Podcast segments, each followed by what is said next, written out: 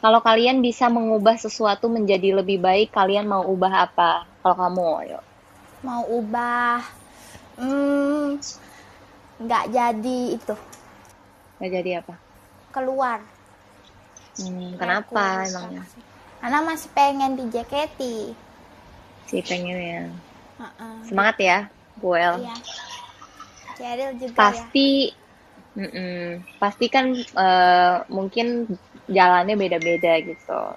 Iya. Kayak kamu berarti nih jalan kamu nih masih panjang ke depannya.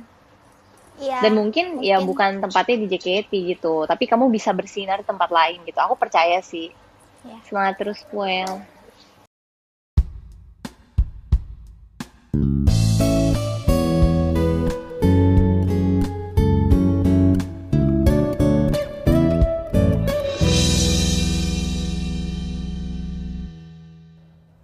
Balik lagi di podcast Bingo Ijo. Ijo. Itu aku nggak lupa lagi podcast apa namanya saking lamanya nggak podcast. Oke oke. Jadi eh, pembukaan yang sangat singkat dan sederhana. Nggak tahu lagi mau ngomong apa. Ya Apa nih apa nih apa nih? langsung the point aja lah ya. Yoi. Kan kemarin-kemarin kita udah bersedih-sedih nih, bersedih-sedih Betul. karena sebuah pengumuman yang kita tahu akan diumumkan, tapi tetap aja kita denial kalau pengumuman itu harusnya tidak diumumkan. Betul. pengumuman tentang restrukturisasi JKT48. Nah, eh, udah banyak lah ya teman-teman pada bersedih-sedih di timeline semuanya pada mengungkapkan perasaan apa yang dirasakan. Ada yang kecewa, ada yang ditinggal OSI, ada yang sedih, ada yang merasa tidak fair, ada yang merasa penasaran apa aja sih pertimbangan untuk ini restrukturisasi ini. Maksudnya member-member yang terpilih untuk restrukturisasi ini karena apa dasarnya? Betul. Nah, kali ini kita fokus saja, Fokus kepada fokus kepada menerka-nerka eh, apa yang akan dilakukan JKT48 ke depan, konsep baru. khususnya konsep baru. Kenapa kita bilang konsep baru? Karena beberapa waktu lalu ketika kita baca artikel Jawa Pos interview Melody dengan Jawa Pos itu, eh, eh, by the way, pemretnya Jawa Pos itu kan Mas Ginanjar itu kan eh, fans JKT48 juga. Fans JKT. Makanya dia sangat sering sekali mengangkat artikel tentang JKT. Dan langsung ke sumber terpercayanya langsung, yaitu Bu GM. Nah, ada kalimat menarik dari eh, hasil interview itu, Apa tuh? Yaitu eh, ketika ditanya tentang eh, apa aja pertimbangan, kurang lebih gini ya, aku lupa kalimat lengkapnya, tapi isinya ringkasannya gini, apa aja pertimbangan memilih member-member yang terkena restrukturisasi dan yang tidak. Nah, si eh, Bu GM ini menjawab eh, macam-macam, ada beberapa faktor, misal eh, keinginan dari member itu sendiri, Hmm, terus eh, apa namanya eh, setelah diskusi dengan manajemen dan lain-lain misal kayak gitu dan satu faktor yang menarik adalah eh, Ibu GM menyebutkan kecocokan dengan konsep JKT48 yang akan berubah ke depannya. Nah itu. Poinnya di situ. nah poinnya di situ. Jadi itu membuat kita penasaran nih. Apa nih yang Apa dimaksud dengan nih? kecocokan dengan konsep JKT48 yang ke depannya? Nah, masalahnya emang kalau dilihat dari jumlah member yang tersisa ya. kurang lebih 33 33 orang ya. Mm-mm. Kalau dijadikan tiga tim nggak cukup. Kalau Iya. satu timnya 16 orang betul. Yap, tepat sekali. Ini kalau misalnya masih konsep lama artinya masih setlist ya. Hmm. Ya eh, tim gitu maksudnya kayak sekarang lah gitu. Cukup hanya untuk dua dua tim. Mm-mm, dua tim. Sedihnya kalau memang benar cuma dua tim masih mengusung konsep ini, Hmm. tim JK3 Heeh. lagi-lagi untuk kesekian kalinya nggak akan ada tim T. Kita akan- lagi, lagi ya, lagi Iya. dan lagi. Oke, Fans tim T emang tabah-tabah ya. betul. Nah, Berkali-kali ditinggal timnya dibubarkan, Anda masih tetap Betul. bisa mencetak JKT48 ya lanjut. yang artinya eh keinginan untuk apa harapan untuk ngelihat SNM lagi tuh semakin kecil, kecil dan kecil Iya. lagi.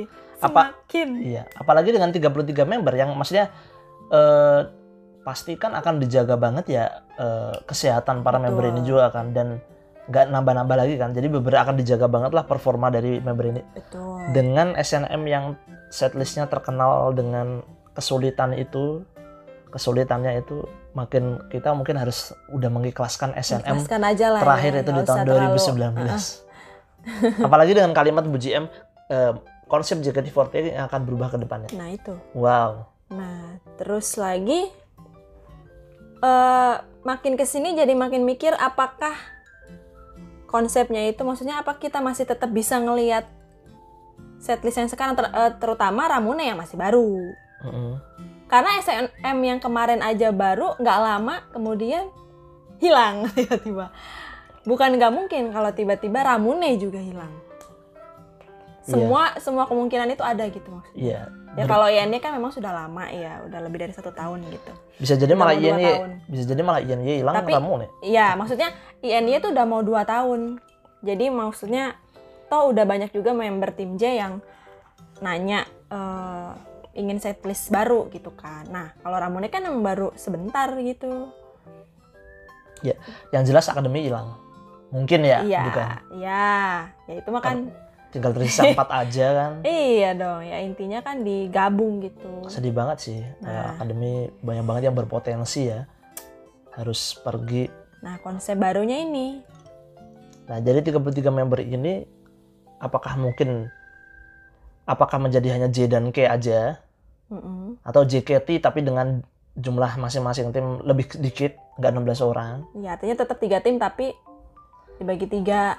Oke, jadi kita mencoba kita 11. mencoba menerka-nerka konsep baru JKT48 ya. Nah, dari kamu deh, kira-kira konsep yang akan mungkin diusung JKT. Kita ini just having fun aja ya. Jadi em, nggak tahu konsepnya ini akan benar terjadi apa enggak. Ini hanya perkiraan-perkiraan kita aja yang menduga-duga dengan ngasal asumsi-asumsi eh, kita tentang Eh, format baru atau oke. konsep baru. Kira-kira kenapa? Kalau misal seperti yang kata kamu, tetap dibagi tiga tim, tetap JKT nih. Mm-mm. Artinya masing-masing tim itu 11 orang. Mm-mm. Tapi kalau misal tetap berjalan seperti itu, maksudnya seperti biasa gitu ya, setlist gitu. Eh, menurut aku sih jadi nambah beban member sih.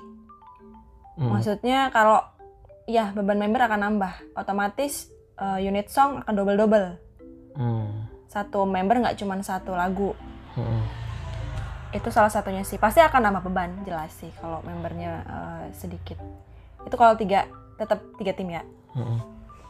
Oke, berarti konsep pertama kemungkinan akan jadi tetap tiga tim tapi dengan masing-masing 11. Aku nggak tahu Tep- kalau yang 48 group yang lain udah per, maksudnya udah pernah belum dalam satu tim Nah, itu kurang dari regulernya ya kurang dari 16 orang nah, nggak Oh. tahu ya aku juga aku juga belum tahu sih. Tahu Jadi tapi itu resikonya adalah kalau masih dengan mempertahankan setlist yang sekarang-sekarang ini itu akan sulit karena bisa double-double unit song. betul ya jelas Oh, lah resikonya ada orang resikonya. cuman nggak ada maksudnya eh, misal perform cuma 15 orang aja satu orang udah megang dua unit song kan apalagi kalau cuma 11 orang ya mudahnya sih gitu beban member itu semakin berat sih Oke. Nah, terus eh, yang kedua, yang kedua nih aku kepikiran konsep JKT48. Ini kita nggak ngomong ah, aku nggak ngomongin tim, tapi ngomongin tentang eh warna yang mau dibawa JKT48 ke depannya. oke warna Jadi kalau kalau melihat dari beberapa member yang mengalami kena restrukturisasi seperti Yori, terus Abel, terus Caitlyn, beberapa adalah member-member yang looknya itu masih seperti anak kecil lah. Mm-mm. Selain karena emang umurnya di bawah 15 tahun, looknya pun seperti eh, imut-imut gitu iya anak kecil. Nah banyak banget yang kena restrukturisasi tuh member yang look-looknya kayak gitu. Yang looknya tuh yang anak kecil gitu. Kalista ya Kalista.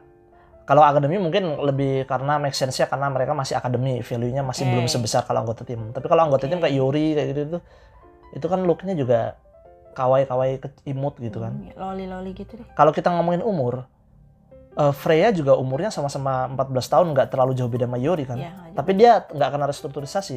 Karena looknya Freya tuh nggak seperti anak 14 tahun. Iya.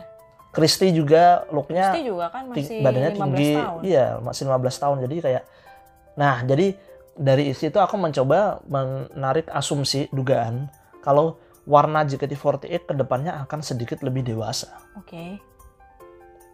Entah apakah nanti mereka akan merubah setlist, maksudnya membawakan setlist setlist yang lebih dewasa atau Hmm. mengusung tema lagu-lagu yang lebih eh, dewasa atau mungkin eh, mencoba meraih pasar non fans Hmm. yang eh, melihat eh, performa JKT48 selama ini tuh terlalu apa namanya terlalu penuh dengan anak di bawah umur mungkin mindsetnya ya beberapa awam kan sering kayak gitu. Apaan sih banyak anak di bawah umurnya? Anak eh, masih SMP misalnya gitu kan kecil. Jadi mencoba dipangkas tuh bagian itu dan mencoba lebih ke masuk ke pasar remaja non fans bisa jadi nggak kemungkinan eh, bisa jadi ada kemungkinan mereka mau bawakan lagu-lagu yang lebih deket ke vibe K-pop gitu. Bisa juga sih. vibe K-pop K-pop gitu kan K-pop kan banyak banget kan fansnya sangat besar gitu di Indonesia. Mungkin mencoba meraih pasar itu dan mungkin lebih mengutamakan performa dance. Dance akan lebih ditonjolkan. Ya itu sih itu hanya eh, dugaan aku nih ya. Jadi ini eh, dugaan konsep kedua. Kamu kan tadi pertama itu tetap dengan tiga tim dengan masing-masing 11 orang tapi dengan resiko yang cukup besar itu tadi. Hmm. masing-masing bisa double unit song nah kalau aku dugaan kedua adalah warna JKT48 akan berubah menjadi lebih dewasa. Jadi eh, itu berawal dari gara-gara aku melihat beberapa member yang looknya eh, anak kecil gitu itu di eh, dimasukkan dalam list yang kena restrukturisasi begitu. Tapi nggak tahu apakah sedewasa apa aku nggak tahu sih hanya mungkin mencoba meraup pasar non fans karena salah satu yang bikin bertahan untuk bisa mempertahankan JKT ini ya harus tetap bisa meraih fans baru gitu. Nggak cuma bisa menganggap fans eh, lama aja. Karena yang paling susah di masa pandemi ini kan ngedapetin fans baru. Hmm. orang awam itu biasanya eh, akan bisa dikonversi menjadi fans JKT dikonversi. Dihasut menjadi fans JKT kalau udah datang diajak ke teater mereka nggak pernah nonton JKT begitu diajak teater mereka bisa. Jadi besoknya akan minta nonton lagi nonton lagi dan tiba-tiba berubah jadi fans JKT itu jalur paling gampang untuk menghasut orang jadi fans JKT itu berdasarkan pengalaman itu ya dengan ngajak langsung ke teater. Iya. nah dengan kondisi pandemi gini dengan ngandelin live streaming doang nggak ada yang tertarik itu teman aku nggak ada yang tertarik ditawarin live streaming JKT iya. Ngapain sih nonton masa live streaming? Dan emang sangat berbeda banget experience lah. Lah. tapi ketika kalau ditawarin nonton teater banyak yang mau. Gampang Hmm. banget ngajak ngajak teman non fans yang nonton teater tuh gampang. Tapi kalau ngajak nonton live streaming itu susah apalagi di, apalagi video call gitu Iyalah. makanya handshake eh, nonton teater langsung handshake itu hal-hal yang nggak bisa digantikan sih Iya sih gitu sih jadi eh, apa namanya sulit untuk mera- me- meraih fans baru di era sekarang. Era sekarang. Jadi mungkin usaha untuk mendapatkan fans barunya dengan merubah warna JKT48 untuk bisa lebih eh, mencakup pasar-pasar non fans gitu sih. Nah kalau kamu apa lagi? Apa lagi ya? Konsep dugaan yang memungkinkan. Ya ya kalau misal bukan konsep baru namanya kalau tetap bener dua tim ya Oh konsep iya. baru namanya. Ya, ya maksudnya tapi mungkin ya sebutlah itu konsep baru lah. Jadi jadi dua tim menurut kamu. Iya, Dua tim berarti ada terus? satu ekstra. kan 16 16 berarti satu tim ada ada satu tim yang 17. Heeh. Ya berjalan seperti biasa, mungkin akan ada setlist baru ya nih diganti setlist baru jadi lebih fresh mungkin ya. Kan membernya kan berarti banyak yang maksudnya dicampur maksudnya diputer-puter lagi kan gitu. Jadi pasti mereka juga eh, ibaratnya dari nol lagi lah gitu. ya Jadi- aku masih berharap seperti itu Jadi sebenarnya tapi kalau- seperti JKT48 ketika di awal-awal. ya awal-awal lah gitu. Apa ya nggak awal-awal kan ini udah dua tim. Awal-awal jadi satu tim. Iya. Wah itu udah mentok banget itu kalau ya pemikiran buruk ya. Nah, kemungkinan terburuknya Kemungkinan terburuk kalau misal banget ad- banget lah ini. ada restrukturisasi Tahap gelombang selanjutnya gelombang tiga dong Gak tau kayak mikirnya JKT akan kembali lagi seperti saat awal kemunculan mereka. Itu satu cuma tim doang gitu ya. Satu tim doang. Itu udah mentok banget ya itu. Kalau emang dengan sekian puluh member yang udah di apa yang kena restrukturisasi ini Hmm. masih belum bisa ngangkat juga. Iya itu udah paling buruk banget itu kayak gitu. Ada tahap kedua. ya bubar itu kalau misalnya kemungkinan terburuknya ya bubar. Kalau sampai akhir tahun misal Iya sampai ada sih. tahap ketiga maksudnya eh, restrukturisasi tahap ketiga yaitu dijadiin satu tim doang kayak zaman dulu pertama dan berjuang lagi dan masih gagal ya udah itu. Tidak bisa apa-apaan lagi. Ya emang ini kuncinya sih kuncinya ya keluar ya karena masih pandemi ya susah emang. Harus sabar nunggu paling nggak setahun lagi bertahan. Jadi kalau udah eh, berangsur-angsur normal kan itu sebenarnya bisa gitu bisa banget. Karena udah bisa ngadain event selain teater gitu. Selain streaming dan lain-lain lah pokoknya. Itu kan lebih lebih eh, menarik fans kan. Oke berarti eh, asumsi ketiga dugaan eh, tebakan konsep menurut kamu adalah dijadiin dua tim ya dua tim dua tim dua tim tapi dengan kondisinya tetap bawain lagu-lagu yang sekarang dengan tetap tidak ada yang berubah dari sekarang tapi hanya jadi dua tim aja Iya, ya pengennya sih N-nya jadi setlist baru gitu. Jadi N-nya eh, diganti. Jadi bisa lebih fresh lagi. Benar-benar semuanya tuh dari nol gitu. nah terus kalau selanjutnya dugaan aku nih kita kemungkinan keempat konsep JKT48 yaitu dia mungkin gini dia tetap akan dia akan dua tim seperti yang kamu bilang dua tim Hmm. nih biar be- biar beban kerjanya tidak berat gitu dengan seperti sekarang tapi akan ditambah lagi dengan subunit subunit Oke.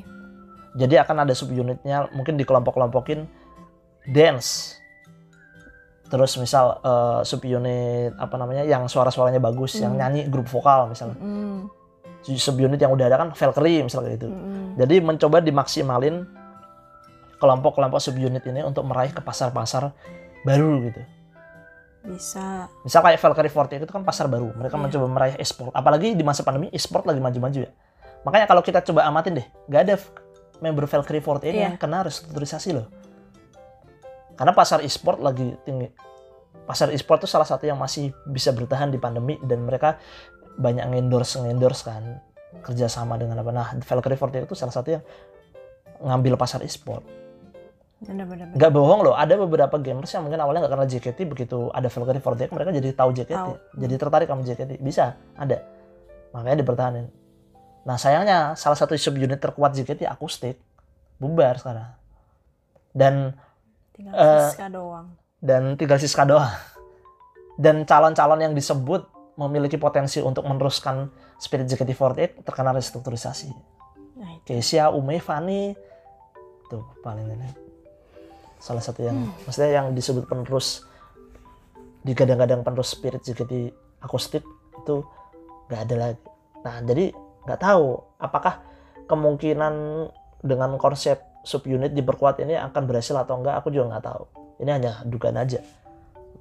Kira-kira apa lagi subunit yang mungkin dibentuk sama JKT ya Yang bisa alat musik oh akustik. Band lagi?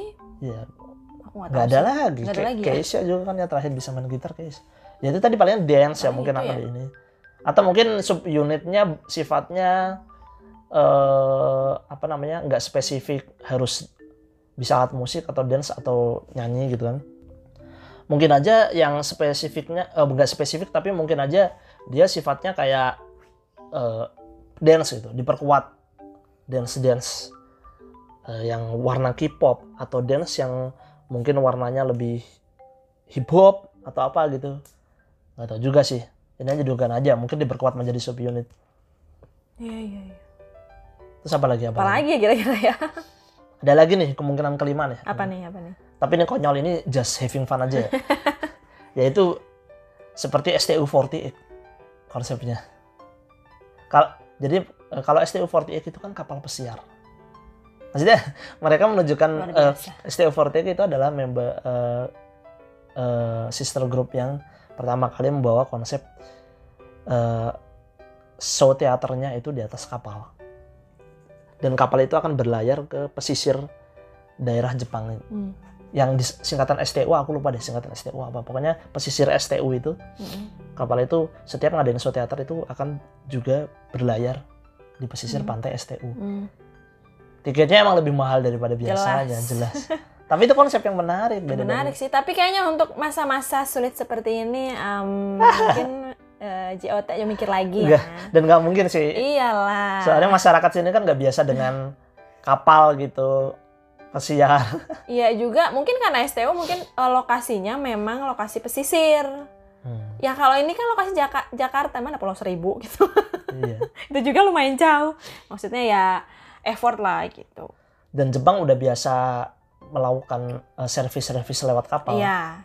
misal peng- eh, kedokteran apa ya kok Mm-mm. kedokteran sih Kayak puskesmas keliling ya lah keliling itu. puskesmas keliling lewat kapal ke pulau-pulau itu kan sering jadi mesti udah Iya. terbiasa masyarakat sana kan nggak cocok kalau sini tapi mungkin eh, nggak harus kapal mungkin apa ya mungkin udah nggak nyewa lagi di FX tapi keliling aja kayak sirkus tapi sirkus, Sirkus. mini mini sirkus untuk itu tuh ngeraup fans-fans baru bisa juga dan fans daerah Iya. terutama Ya memang itu tetap effort sih, effort secara biaya juga sebenarnya. Budget tapi ya. Budget tapi yang sekarang dipikirin gimana caranya ya dengan tidak terlalu mengeluarkan budget yang besar gitu kan.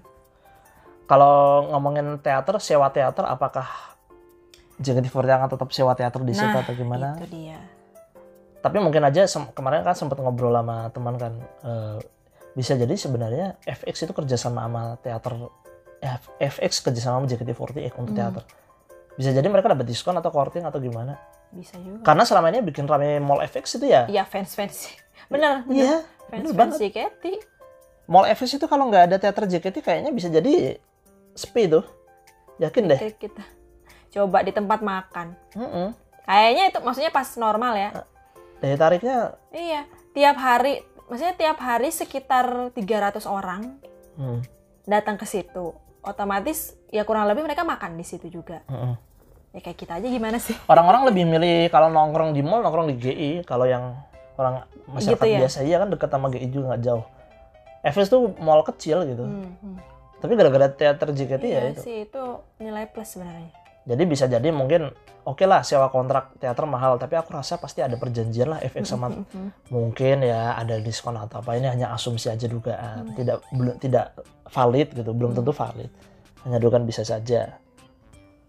Jadi ya itu tadi konsep kelima membuat mini sirkus seperti STU48 Hmm, tapi eh, bisa jadi ya tapi itu hampir nggak mungkin sih kayaknya melakukan hal kayak gitu Kalaupun Masa kayak gitu mungkin di iya. apalagi karena masa kan- pandemi ya Iya, karena kan mengundang keramaian. keramaian. nggak mungkin nggak Iya. mungkin Apa ya kira-kira konsep apalagi nih Lain. apalagi nih kemungkinan konsep-konsep Nah, kepikiran ya kepikirannya ya paling eh nggak ada tim ya bener-bener JKT One nggak ada tim nah nggak tahu bisa juga oh kayak kamu pernah bilang eh ganti-gantian. Maksudnya si 33 orang itu. Nah kemungkinan keenam nih.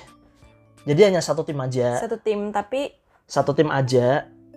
Atau dua tim deh sebutlah dua tim. Cuma performanya itu dinamis.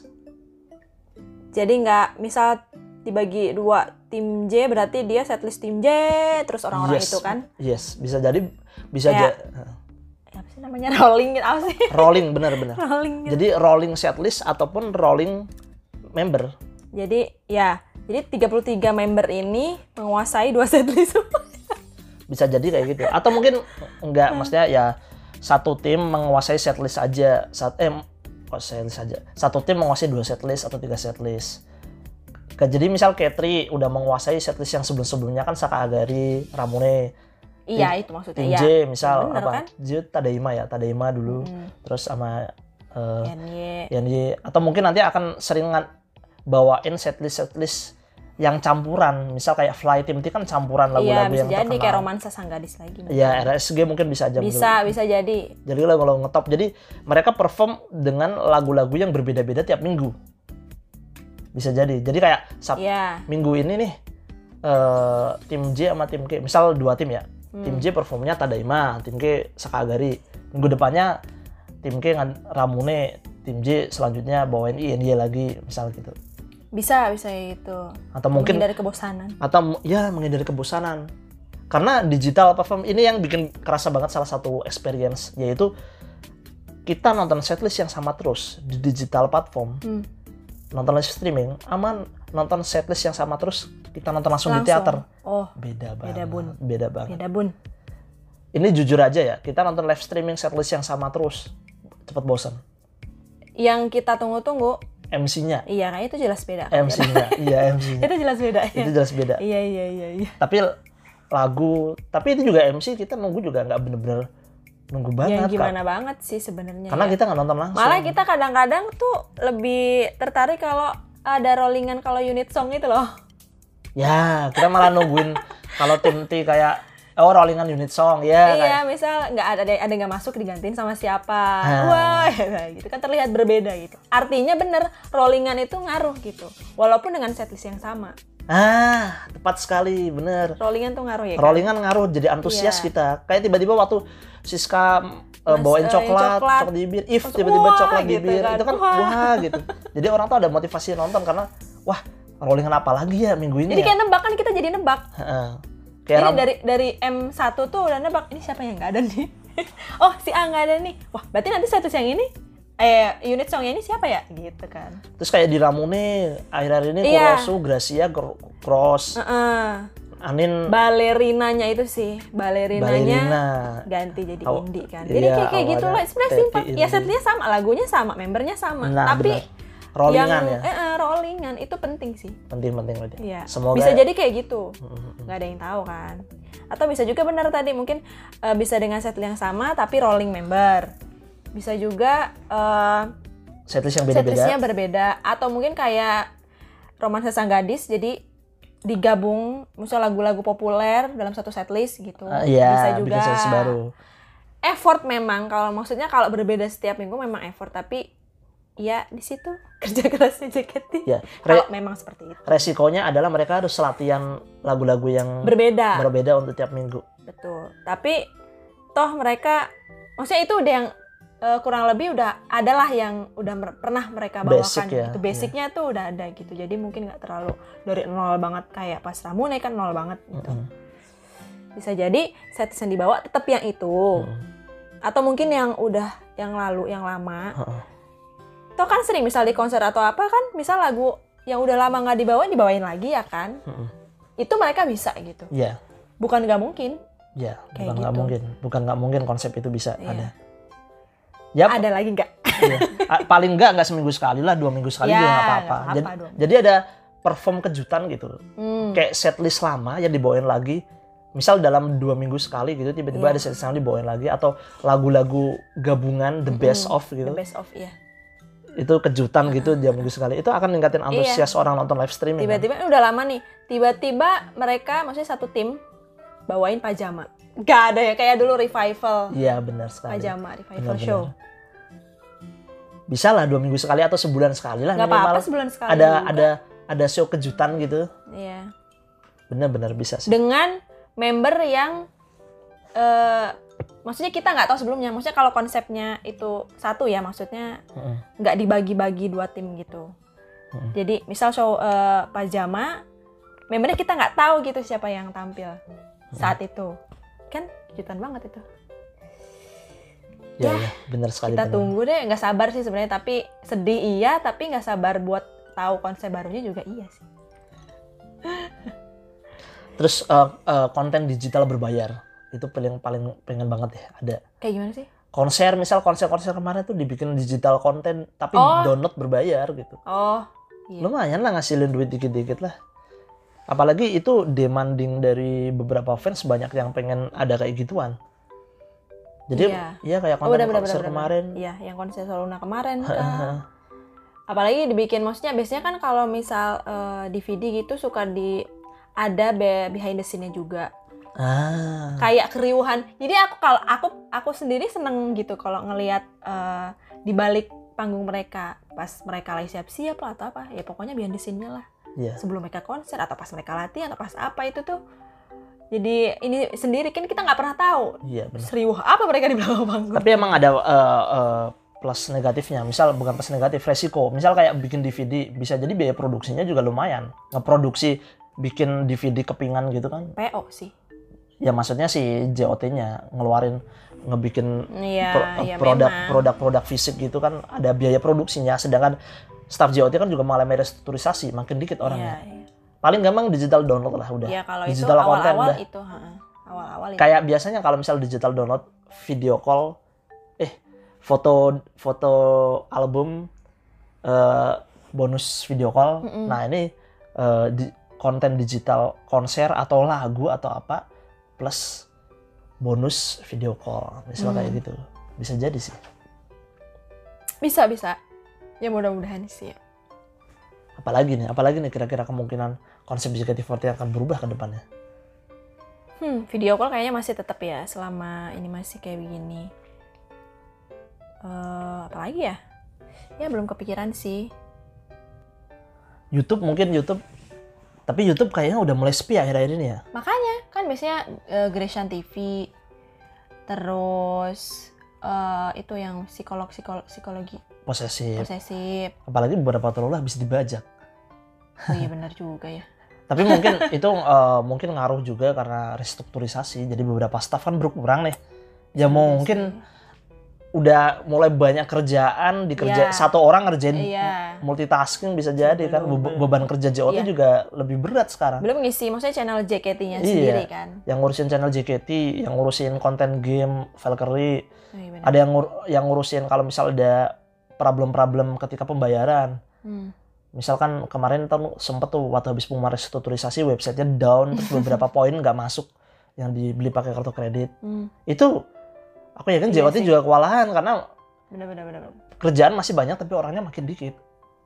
Jadi Oke, jadi kita harus nggak cuma menyadari kalau member doang yang kena restrukturisasi, benar staffnya juga. staff juga mengalami. Jadi kita harus mencoba apa ya?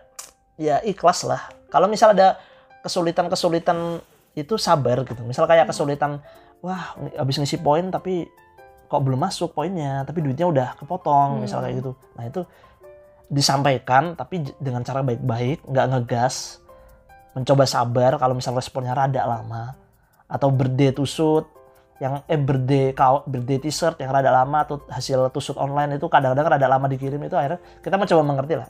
Ya aspirasi tetap disuarakan cuma mungkin kita mencoba mengerti kalau staff itu makin sedikit sekarang. Kerjaannya masih banyak malah makin banyak tapi orangnya makin sedikit staff. Nggak cuma member yang mengalami restrukturisasi staff JOT juga. Jadi sih kita berharap semoga teman-teman fans eh, kita semua bisa inilah meng- mengerti lah keadaan sulit ini. Tidak dengan emosi tapi adepin eh, keluhan-keluhan disampaikan tapi dengan cara baik-baik tetap. Dan sabar menunggu proses gitu.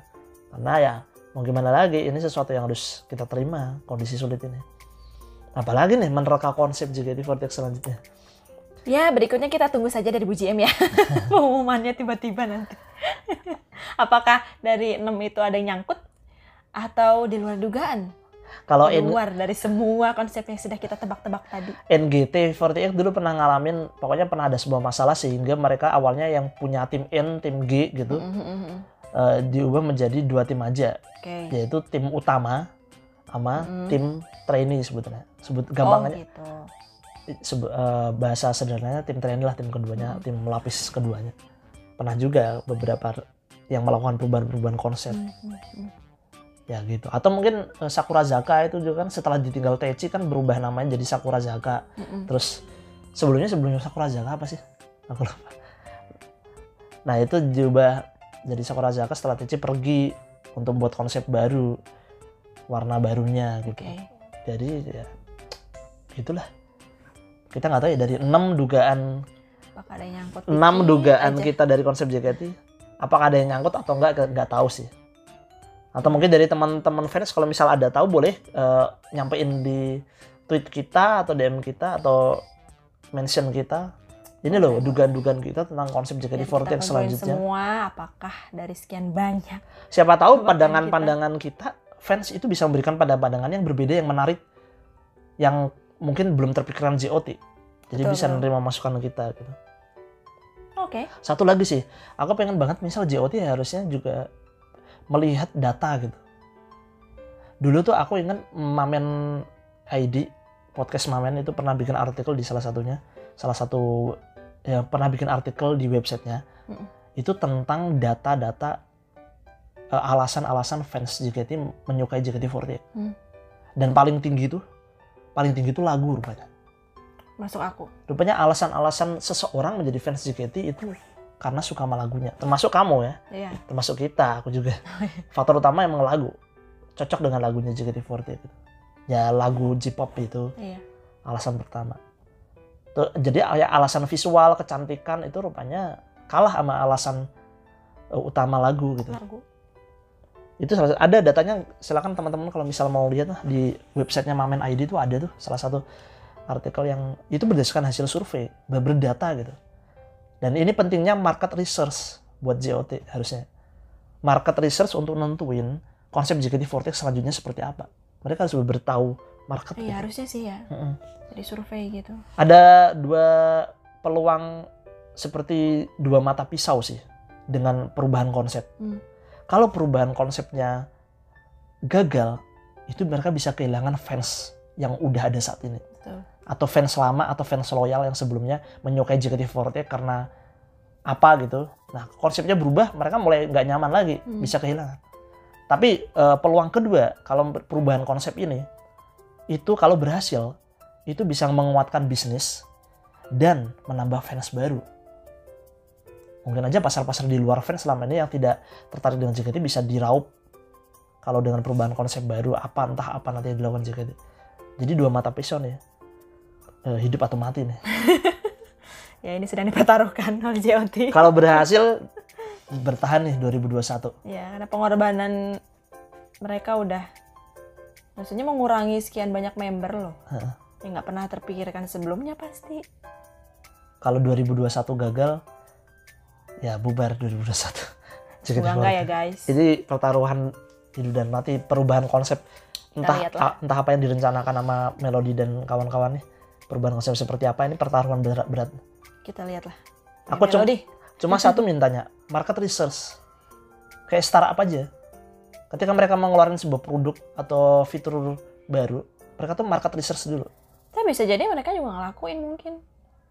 Ya semoga emang kita nggak tahu. kan. semoga ya semoga ya emang kita nggak tahu kita semoga balik aja layarnya Di balik- seheboh apa kan nggak tahu. semoga perubahan konsep itu tuh berbasis data gitu. Maunya ya. Mm-mm. Jadi bukan sekedar rapat antar staff doang atau sama member misalnya gitu.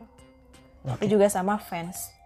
Nah, eh, turut menyertakan fans. Kayak RSC aja kan maksudnya itu kan Nah, RSG kan? Iya kan? Yes. Sama fans kan. Aku Dan hasilnya suka apa sih suka itu banyak yang suka setlist itu sekali. gitu. Tepat sekali. Ya wes sama lah kayak ini. Nah, itu yang paling aku harapkan sih. Mudah-mudahan ya. Kerjasama dengan fans itu. Hmm. Mendengarkan suara fans, kerjasama. Itu menurut aku penting banget.